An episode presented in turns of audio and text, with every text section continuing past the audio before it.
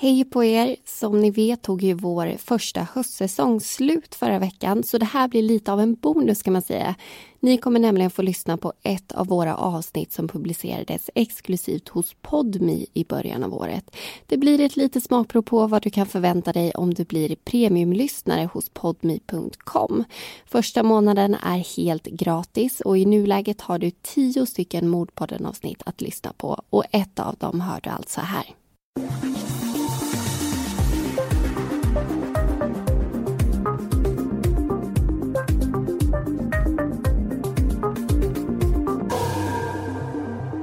Den 24 april 1975 tar sig medlemmar från en tysk vänsterextremistisk organisation in på den västtyska ambassaden i Stockholm. Deras mål är att hjälpa 26 fängslade anhängare att bli fria. De har krav, stora krav, krav som den tyska regeringen inte kan godta. Men inkräktarna är inte villiga att kompromissa. Och får de inte som de vill kommer det bli förödande och blodiga konsekvenser. Varje timme som går utan att regeringen ger med sig kommer de skjuta en person i gisslan.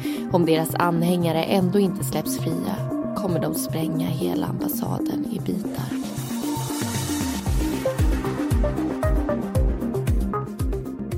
Du lyssnar på Mordpodden, en podcast om den mörka verkligheten. I veckans avsnitt ska du få höra om ambassaden.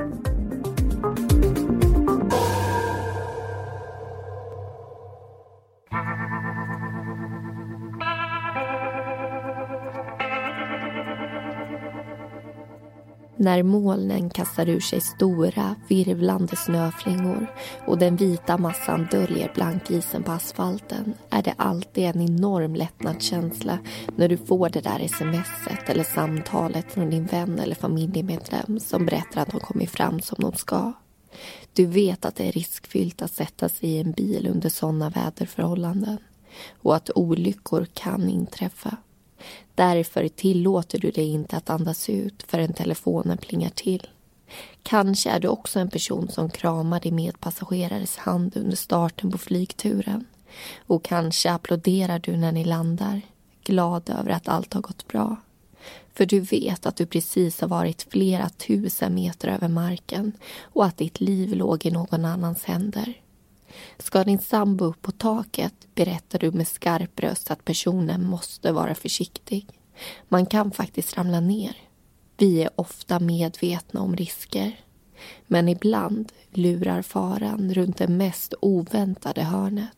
Den 24 april 1975 äter ett gäng människor frukost precis som vanligt. Klär på sig precis som vanligt. Säger hej då till sina familjer precis som vanligt och går till jobbet precis som vanligt. Jobbet på den västtyska ambassaden i Stockholm. Men ingenting skulle bli som vanligt den dagen och alla skulle inte få komma hem till sina familjer igen.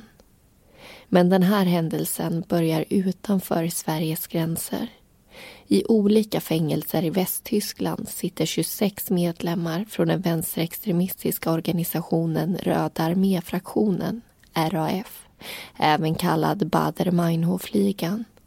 Gruppen växte fram ur 60-talets studentrevolter och vände sig mot det etablerade samhället. Genom våldsamma metoder ville gruppen skapa ett nytt socialistiskt samhälle. Men vägen dit krävde sitt blod. Deras politiska arbete innefattade mord, bombattentat mot institutioner i samhället, väpnade bankrån och kidnappningar. Så när tre av gruppens förgrundsfigurer sattes bakom lås och bom i ett specialbyggt och rymningssäkert fängelse i Stuttgart visste man att gruppen förmodligen skulle ta till drastiska och radikala åtgärder för att hjälpa sina medlemmar fria. Men när och hur det skulle gå till, det visste man inte.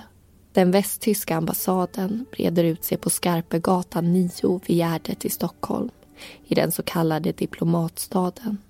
Utanför njuter människor av den stundande våren. Innanför skulle det snart råda kaos och panik. Men än så länge tror alla att det bara är en vanlig dag på jobbet. I receptionen befinner sig en polisman och en receptionsvakt. Utanför patrullerar en vakt från ABAB, det allmänna bevakningsaktiebolaget. Hans dagar ser för det mesta likadana ut. Han ska bevaka framsidan av byggnaden. Se så att ingenting oväntat händer. Och det gör det sällan. Han observerar en hyrbil som åker förbi. Bilen kör i låg hastighet och stannar till utanför den brittiska ambassaden. En kvinna sitter i framsätet med näsan i en karta. Vakten struntar i bilen och fortsätter sitt enformiga patrullerande. Inne i receptionen får den andra vakten och polisen besök. Två män kliver in genom dörren. De ber om hjälp med bland annat ett passärende. Vakten ler vänligt och säger att de säkert kan stå till tjänst. Han hänvisar dem en trappa upp i byggnaden där den konsulära avdelningen ligger. Männen tackar för hjälpen och går igenom dörren som vakten låser upp åt dem. Precis enligt deras plan. Men något pass är de inte intresserade av. Snart får receptionen fler besökare. Den här gången är det en yngre kvinna och en jämnårig man. De behöver hjälp och vägledning med en arvsfråga. Även de hänvisas en trappa upp där de får sitta och vänta på att någon av juristerna i ambassaden får möjlighet att sätta sig ner med dem och deras ärende. En stund efter att de två besökarna försvunnit en trappa upp kommer ytterligare två personer in i receptionen. Det är två yngre män som vill ha information om möjligheterna att studera i Sverige. Men de får inte det svaret de vill.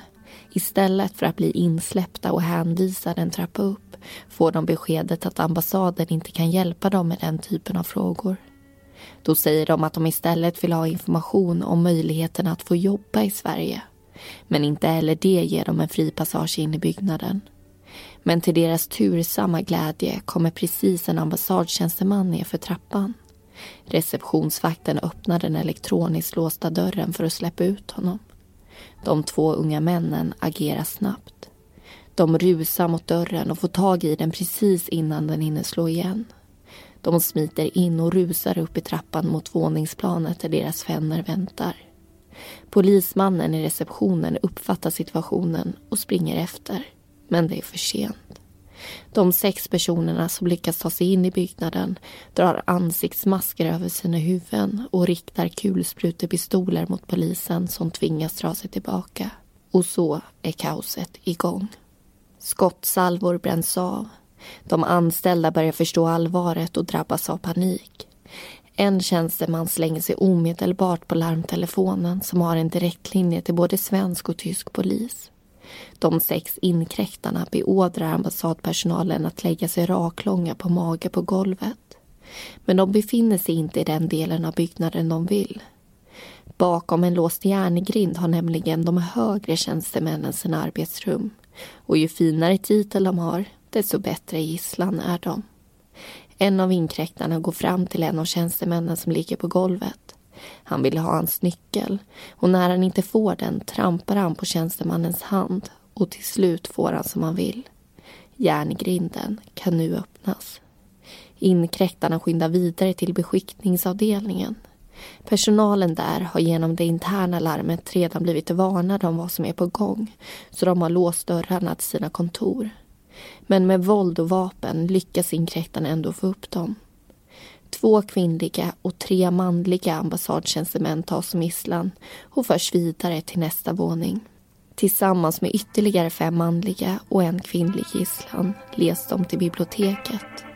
Och snart skulle inkräktarna meddela sina krav och även vad som kommer hända om kraven inte uppfylls. Ord som ingen vill höra.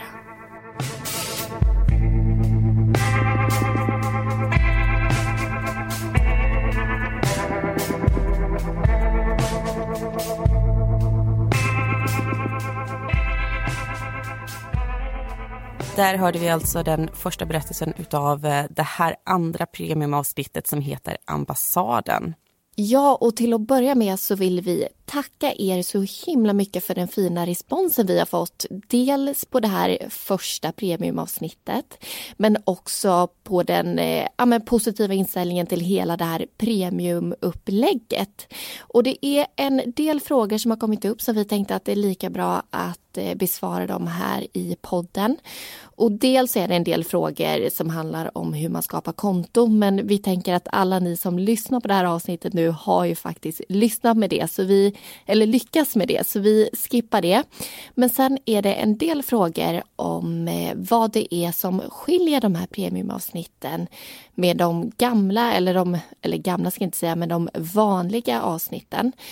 Och när ni har lyssnat på både det här avsnittet och det förra så förstår ni säkert att vi har valt att behålla det vanliga Mordpodden-upplägget med den vanliga strukturen. Och det beror helt enkelt på att vi tänker att ni som lyssnar på Mordpodden gör det av en anledning och väljer ni sen då att bli premiumlyssnare så förväntar ju ni er en viss produkt. Så vi ser det som att det vore lite att lura er om vi skulle ha ett annat upplägg helt plötsligt i de här premiumavsnitten. Men sen är det också en del frågor kring längden på avsnitten, om vi har tänkt att ha längre premiumavsnitt, men vi tänker att de kommer ligga runt 40 minuter. Och det beror helt enkelt på att det också är lite av Mordpoddens grej att förmedla fall på ett övergripande sätt. Så det tänker vi fortsätta med i de här premiumavsnitten. Men annars, som vi har nämnt innan, så kommer vi ju i de här avsnitten ta upp fall som ni har önskat och som vi har velat berätta om men som vi inte riktigt kunnat berätta om just för att vi har haft en geografisk avgränsning i våra... Say hello to a new era of mental health care. Cerebral is here to help you achieve your mental wellness goals with professional therapy and medication management support. 100% online. You'll experience the all new Cerebral way, an innovative approach to mental wellness designed around you. You'll get a personalized treatment plan from a therapist, prescriber, or both in a safe and judgment free space. Your cerebral therapist or prescriber will outline a customized plan with clear milestones along the way so you can get to feeling your best. With Cerebral, you're not alone in your mental health journey. We're here to empower you to live a fulfilling life. So take that first step towards a brighter future and sign up today at cerebral.com slash podcast and use code ACasts to get 15% off your first month. Offer only valid on monthly plans. Other exclusions may apply. Offer ends July 31st, 2024. See site for details. Hey, I'm Ryan Reynolds. Recently, I asked Mint Mobile's legal team if big wireless companies are allowed to raise prices due to inflation. They said yes. And then when I asked if raising prices technically violates those onerous two year contracts, they said, What the f are you talking about, you insane Hollywood ass? So to recap, we're cutting the price of Mint Unlimited from $30 a month to just $15 a month. Give it a try at mintmobile.com slash switch. $45 up front for three months plus taxes and fees. Promo for new customers for limited time. Unlimited more than 40 gigabytes per month. Slows. Full terms at mintmobile.com. Vanliga avsnitt. Men det har vi alltså inte här, så det är det som skiljer. Och så hoppas vi att ni ser det som att ni faktiskt inte bara bidrar till eh, de här premiumavsnitten utan genom att vara premiumlyssnare så bidrar ni faktiskt till hela skapandet av Mordpodden. Så vi hoppas verkligen att ni ser det på det viset. Och vi ska också säga att vi är väldigt, väldigt tacksamma till alla er som har blivit premiumlyssnare för det mm. hjälper oss jättemycket. Och jag kan känna det också att våra lyssnare de förstår det här väldigt bra. Alltså, mm. De förstår vilken tid det tar för oss att göra den här podden, de förstår vilket engagemang vi lägger ner i podden och det gör så himla mycket för oss att just få det här engagemanget tillbaka, att få tips, att eh, få åsikter och funderingar från er lyssnare för det hjälper oss att göra en bra produkt och också att fortsätta vara engagerade i det här när vi ser hur intressant det också är för er som lyssnar. Så det är vi väldigt tacksamma för. Och med det så tänker jag att vi lämnar premiumsnacket och vi ska gå in just på det här specifika fallet. Eh, idag så pratar vi alltså om ambassaden. Det här är en händelse som sker 1975 och vi tänkte att vi ska informera er lite om just den här röda arméfraktionen RAF som vi kommer prata om och kommer ta upp i just det här avsnittet. För de människorna som tar sig in i ambassaden, de är ju en del utav den här röda arméfraktionen. De är medlemmar där i och de tar sig in i ambassaden och de utför det här gisslandramat för att just rädda sina fängslade anhängare. Och det här är en grupp som alltså uppenbarligen är beredd att både dö och döda för det de tror på. Och i mina ögon så gör det dem väldigt farliga för det är ju väldigt svårt att skydda sig mot någon som själv inte är rädd för att dö. Och den röda arméfraktionen, eller Bader-Meinhof-ligan som man också kallar dem för, det var en radikal vänsterrörelse som saknade förtroende för den västtyska socialdemokratin. Det var alltså därför de bildades. Och det började ganska oskyldigt, det började med demonstrationer.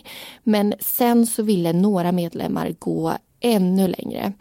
Och 1968 så genomförde de ett brandattentat mot ett varuhus i Frankfurt. Och personerna som gjorde detta de lyckades fly först men de blev eh, tillfångatagna och dömdes också för det här brandattentatet. Mm. Och Du säger ju också var, för det här är ju en rörelse som inte längre finns idag.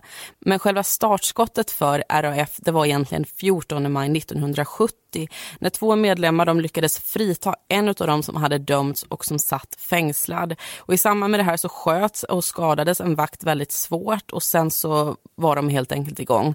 Och Då körde man på träningsläger i Mellanöstern. Det var där de lärde sig att hantera vapen. De rånade flera banker och det var för att finna finansiera sin verksamhet och också de här attentaten som de utförde. Eh, och En del av de saker som pengarna gick till det är mordförsök, det är mord, det är bombattentat och det är mordbränder bland annat. Och flera av de här attentaten de riktade sig mot just den västtyska staten. Men amerikanska militärförläggningar de var också utsatta.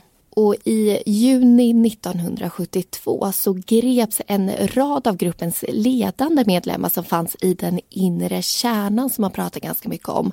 Och en av dem var Holger Mainz och han gillade inte förhållandena i fängelset och bestämde sig för att protestera och det gjorde han genom att hungerstrejka. Och till följd av den här hungerstrejken så dog han faktiskt den 9 november 1974 och när han dog så vägde han bara 29 10 kilo. Och hans stöd inspirerade tyska vänsteraktivister att ta upp den här väpnade kampen. Så det var därigenom som gruppen Kommando Holger Mainz bildades. Och det är alltså de som hela det här avsnittet handlar om. Alltså de som attackerade den västtyska ambassaden i Stockholm. Så sammanfattningsvis, det blir ganska rörigt det här men Kommando Holger Mainz är alltså en egen grupp inom den röda arméfraktionen som ville befria fängslade medlemmar för att hylla Holger Mainz och det han trodde på. Och nu vet vi ju både mer om Röda arméfraktionen och också om den här undergrupperingen som utför dådet som vi ägnar dagens avsnitt åt. Och jag tänkte att vi ska flytta fokus nu och reda ut ett begrepp som kommer vara väldigt centralt i just det här äh, avsnittet. Och det är terror. När kan man egentligen kalla någonting för en terrorattack och en person för en terrorist, Amanda? Ja, men jag upplever det tyvärr som att när det är en person med icke-svensk bakgrund som begår en hemsk handling där flera människor förlorar sina liv så används benämningen terrorattack och terrorism på en gång. Men om det är en svensk person som gör någonting liknande då tittar man direkt på den enskilda personens bakgrund och målar upp den som en, ja, som en ensam varg, som en missförstådd person som inte mår speciellt bra. Som om det är en enskild galning som begått det här som det nästan är lite synd om. Och det tycker jag är märkligt. Eh, skolskjutningen i Trollhättan är ju ett exempel. Det är en solklar terrorattack. Men ändå så tänker inte många att det faktiskt är det. Nej. Och ordet terror det har ju latinskt ursprung och det betyder rädsla eller fruktan. Och terrorism det är helt enkelt våldsdåd som drabbar många människor som skapar rädsla och oro i vårt samhälle. Och EUs medlemsländer de har kommit överens om en gemensam definition av terroristbrott och det låter så här. Terroristbrott är handlingar som kan skada en stat eller en mellanstatlig organisation allvarligt om de syftar till att antingen 1. Skapa allvarlig fruktan eller rädsla hos befolkningen eller hos en befolkningsgrupp. 2 tvinga offentliga organ eller mellanstatlig organisation att vidta eller att avstå från att vidta en åtgärd. Och Det kan exempelvis vara att om ni inte tar bort skatten för pensionärer så gör vi så här. Eller om ni höjer skatten för flyg, då gör vi så här. Och nummer tre i det här det är att förstöra grundläggande politiska, konstitutionella, ekonomiska eller sociala strukturer. Alltså det är väldigt många krångliga ord här för attacker av olika slag som påverkar hela vårt samhälle. Exempelvis att någon hackar ett sjukhus och det inte kan fungera eller att en regeringsbyggnad sprängs eller bombhotas så att ingen kan arbeta där med mera.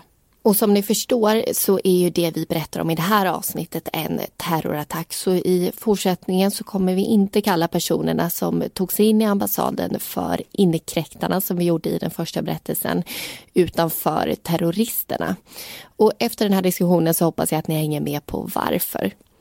Och trots att terrorattacker kanske är den typen av händelser som får mest uppmärksamhet i medier så kände faktiskt ingen av oss till det här fallet sen tidigare. Och det beror förmodligen på att vi kanske är för unga helt enkelt. Men därför så tyckte vi också att det var väldigt intressant att sätta oss in i det här och hoppas att ni också ska tycka det för det här blir ju på ett sätt lite av en historielektion och det skiljer sig ganska mycket från våra andra avsnitt. Och nu har det faktiskt blivit dags att lyssna vidare på den här historielektionen. Vi ska få reda på vad terroristernas krav är och vad som händer om regeringen inte går med på dem.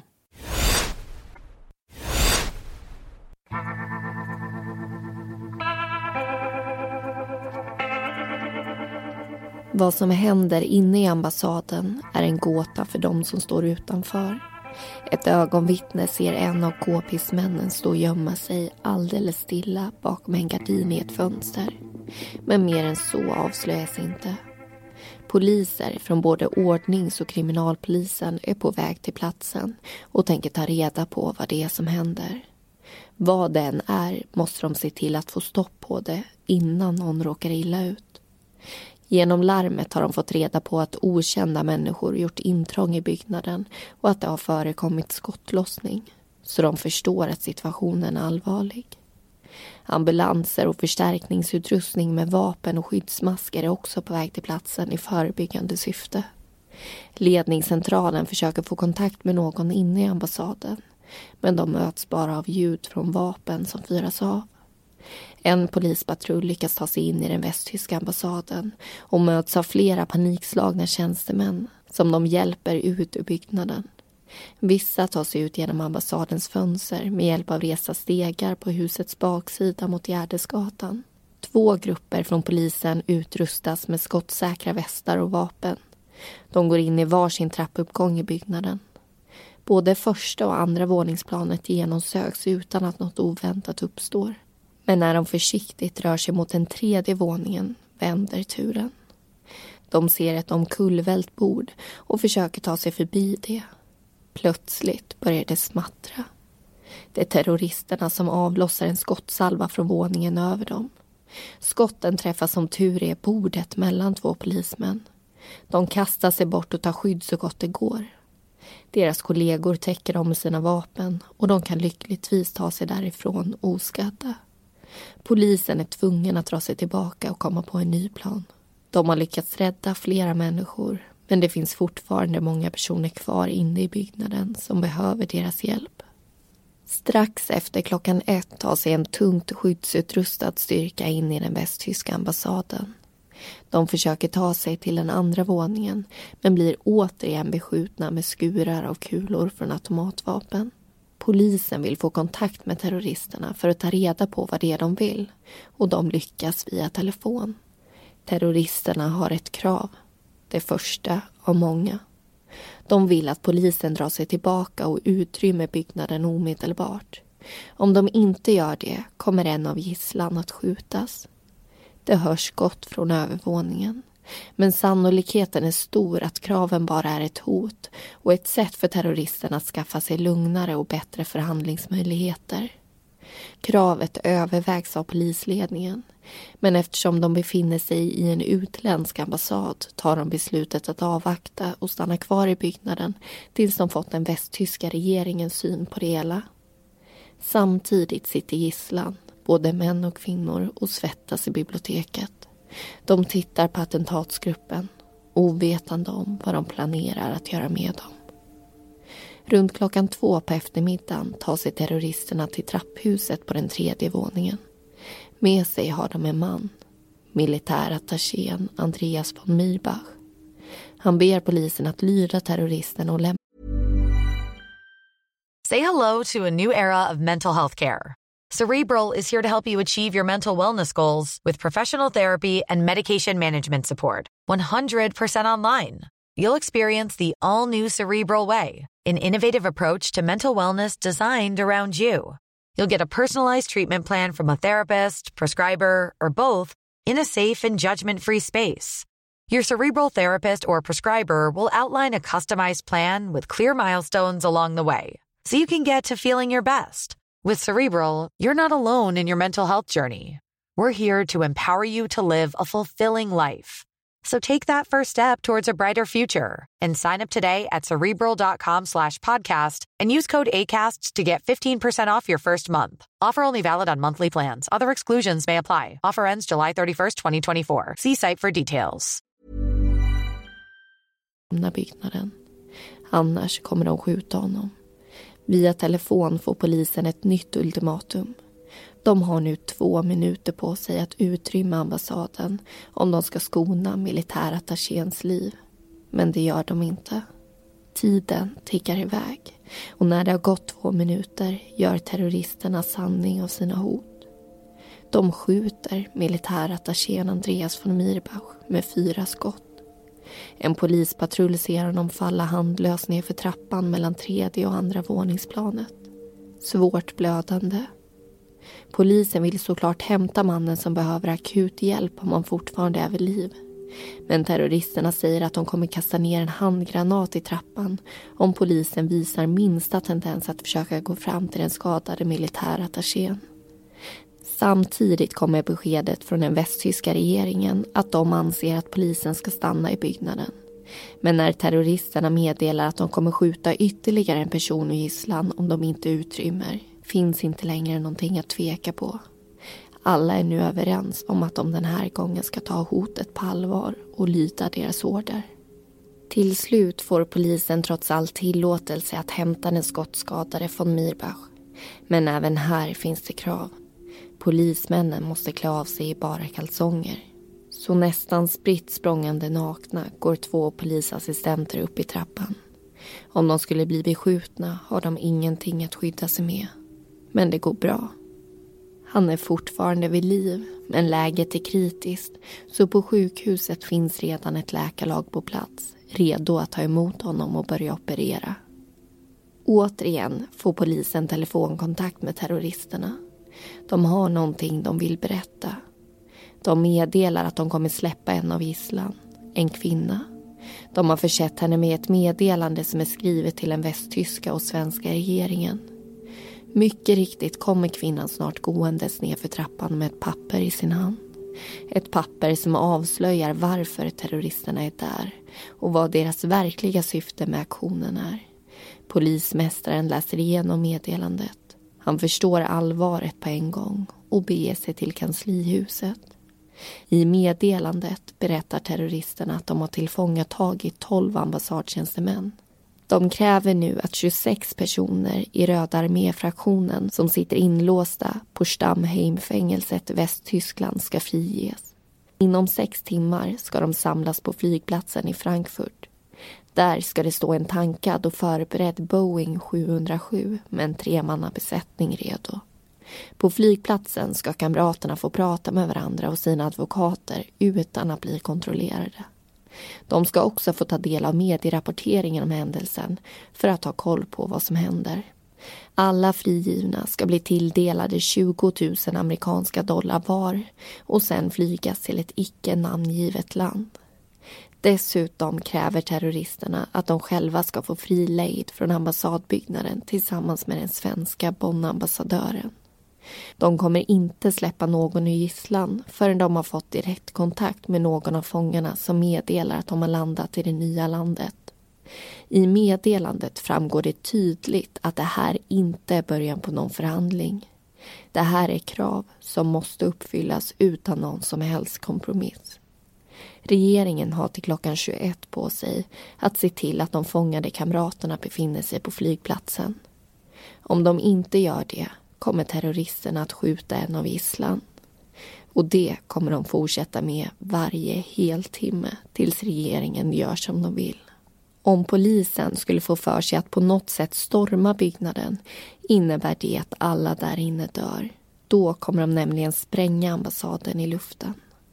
Regeringen står nu inför ett stort dilemma. Kraven är omöjliga att bemöta.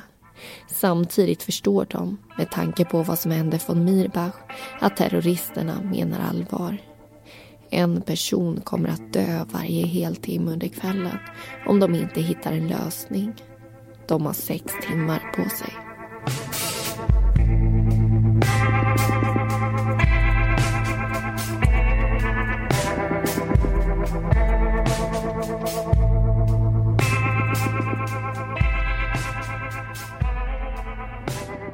Mm, då har vi blivit klara med den andra delen utav ambassaden. Vi ska välkomna er lyssnare in i vår andra diskussion också.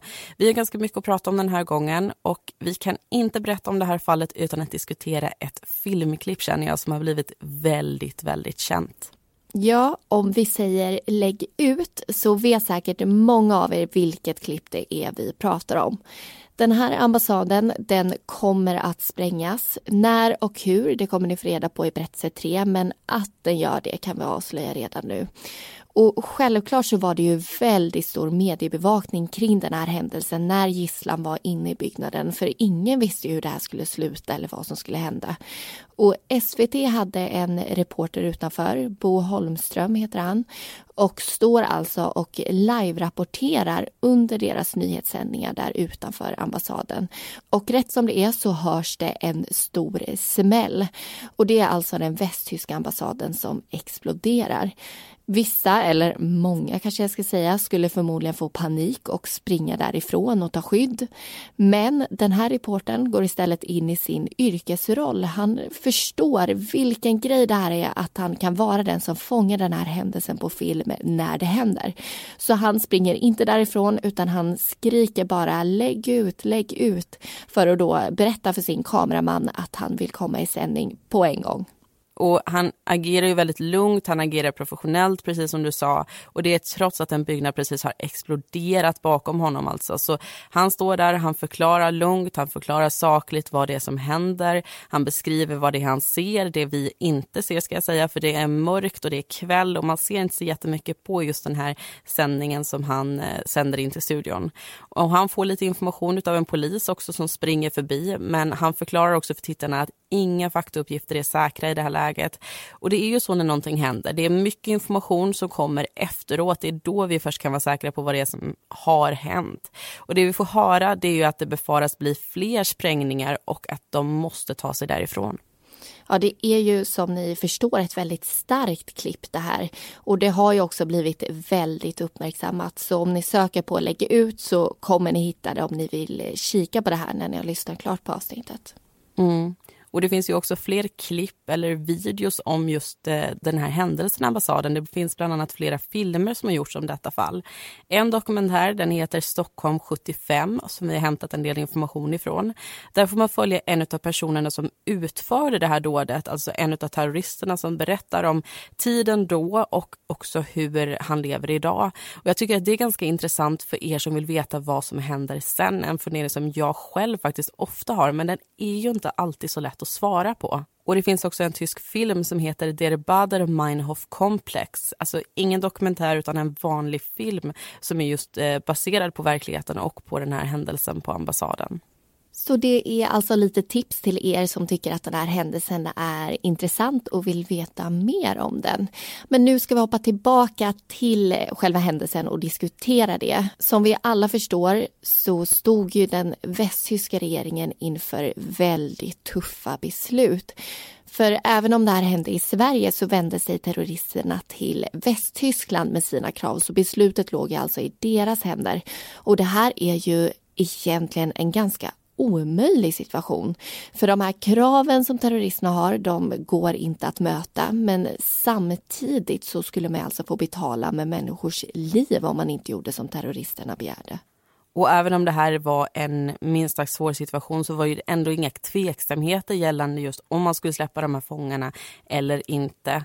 Eh, den västtyska regeringen, alla oppositionspartiers ledare och samtliga ministerpresidenter i delstaterna förutom en person, de var överens om att man inte skulle frige medlemmarna från den röda arméfraktionen.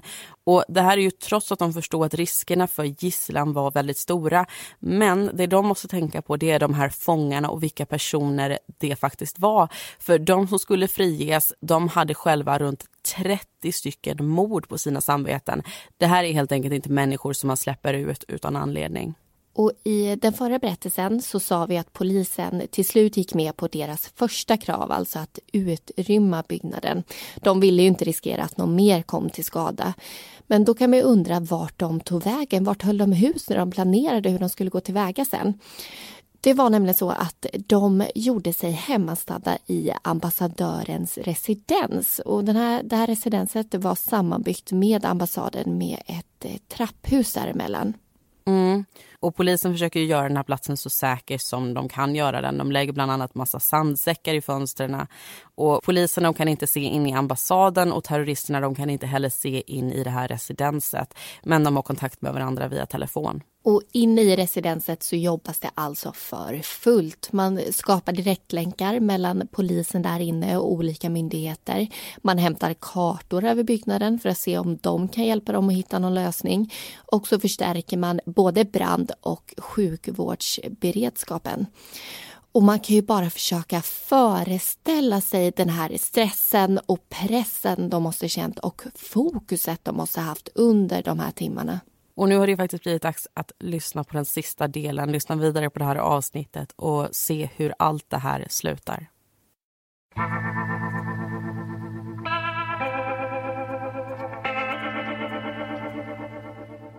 Den svenska regeringen tar kontakt med den västtyska regeringen och informerar dem om terroristernas krav.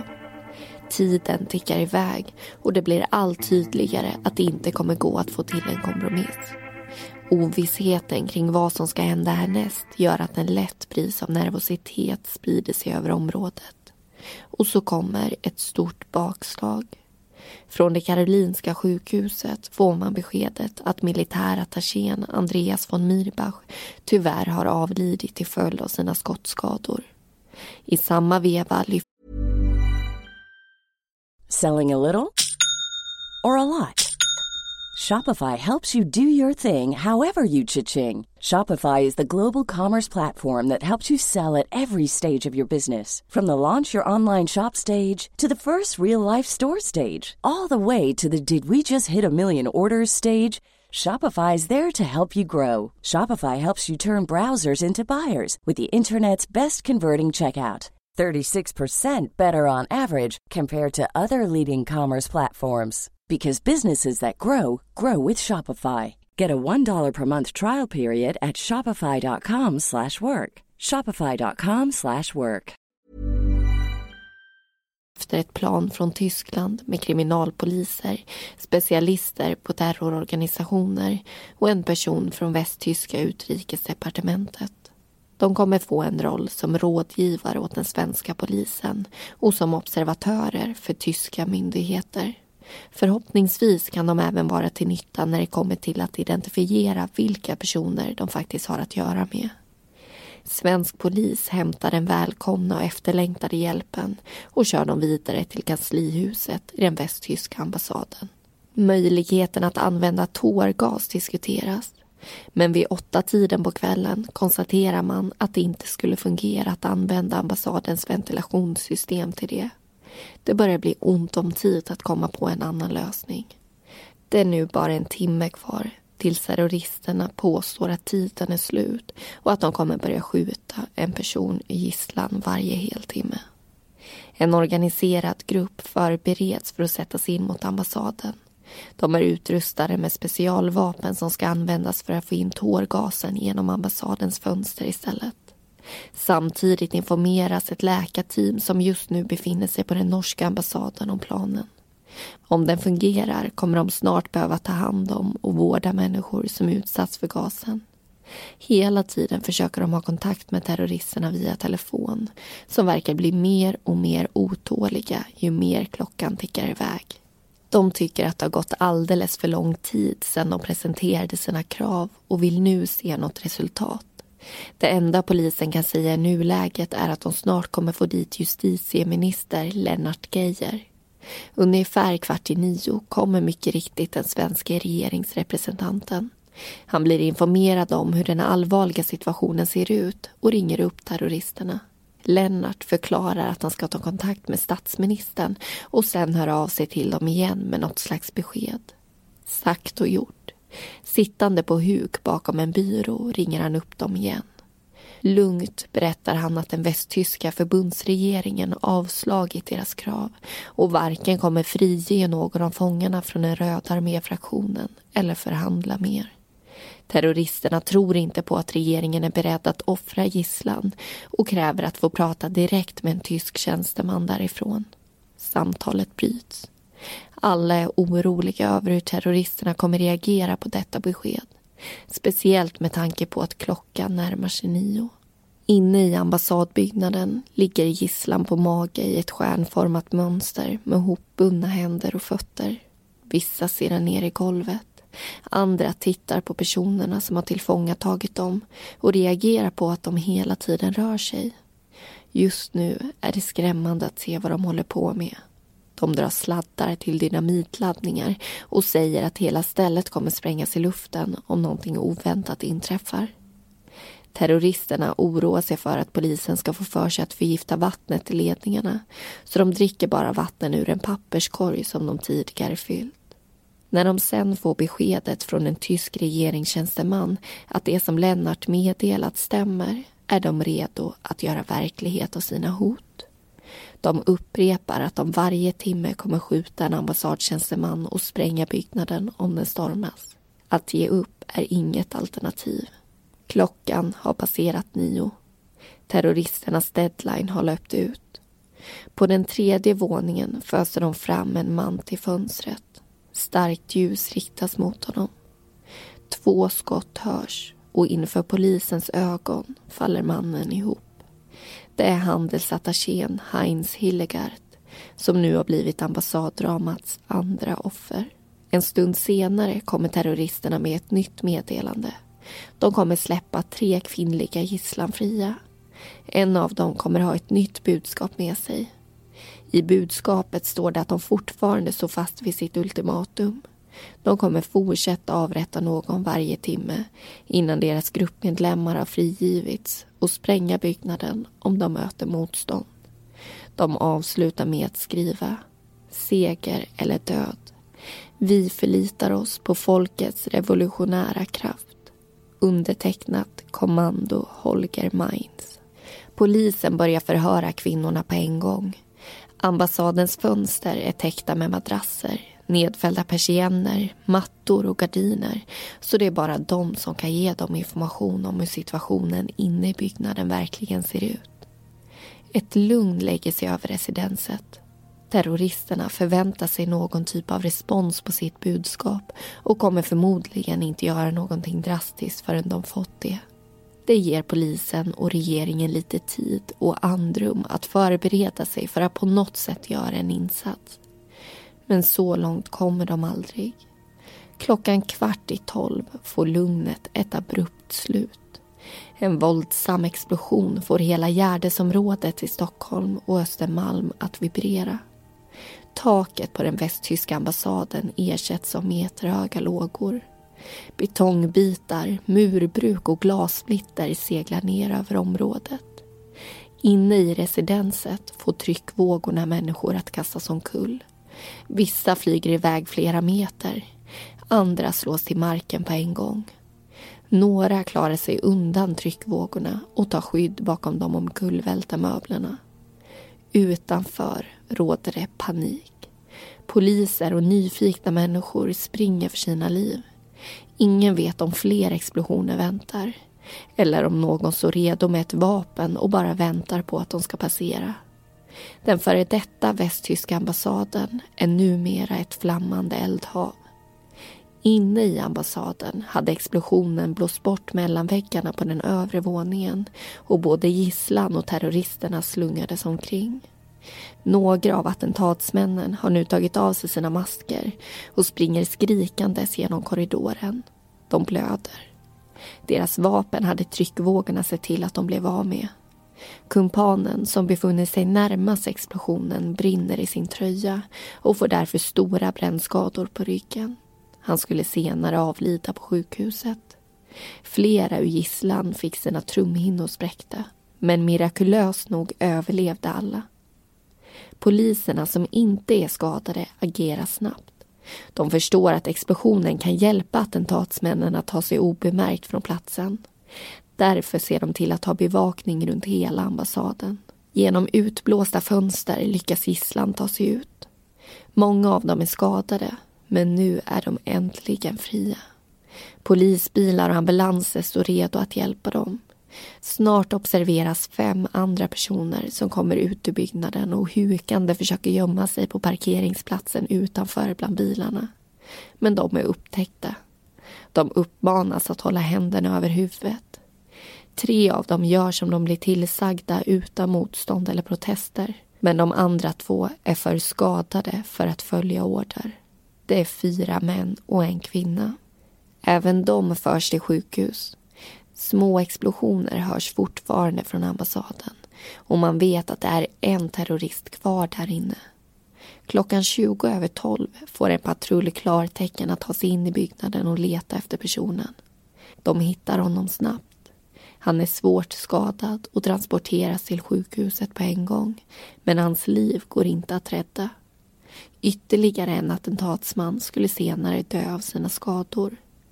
Tack vare fingeravtryckskontroll kan alla sex personer identifieras. De fyra som överlevde ska med stöd av terroristlagen utvisas till Västtyskland där de ska avtjäna sina straff. Där dömdes de alla till två gånger livstidsstraff men benådades så småningom och släpptes mellan 1994 och 1996. Vad som utlöste explosionen har man aldrig kunnat fastställa. Polisen tror att laddningen med sprängmedel som attentatsmännen förberett hade utlösts av en ren olyckshändelse. Attentatsmännen själva hävdar att det var polisen som utlöste bomben.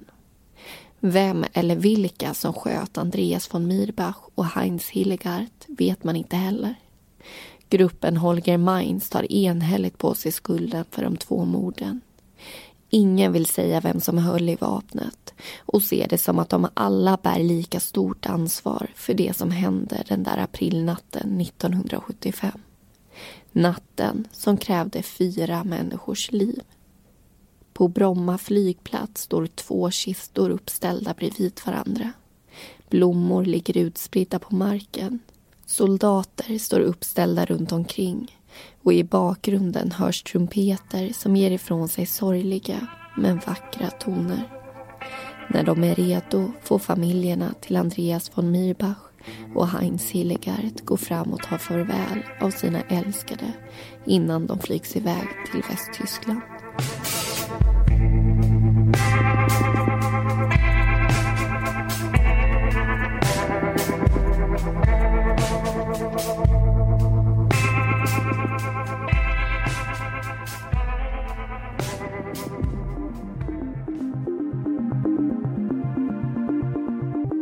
Det var allting vi hade att berätta om ambassaden.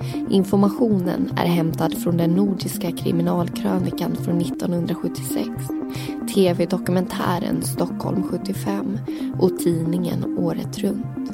Vi vill också passa på att tacka dig för att du har valt att bli premiumlyssnare. Det glädjer oss att du vill stötta oss i vårt arbete och vi ska självklart göra vårt bästa för att leverera så bra avsnitt som möjligt. Vi hörs igen nästa månad.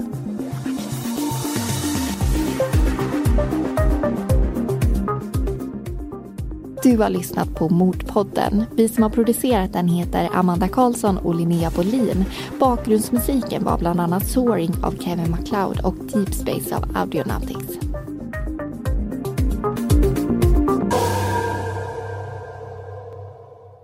Tack för att du lyssnade på det här avsnittet. Vill du höra på de andra avsnitten som finns hos Podmi och samtidigt stötta vårt arbete går du alltså in och startar en prenumeration på podmi.com. Hoppas vi hörs där.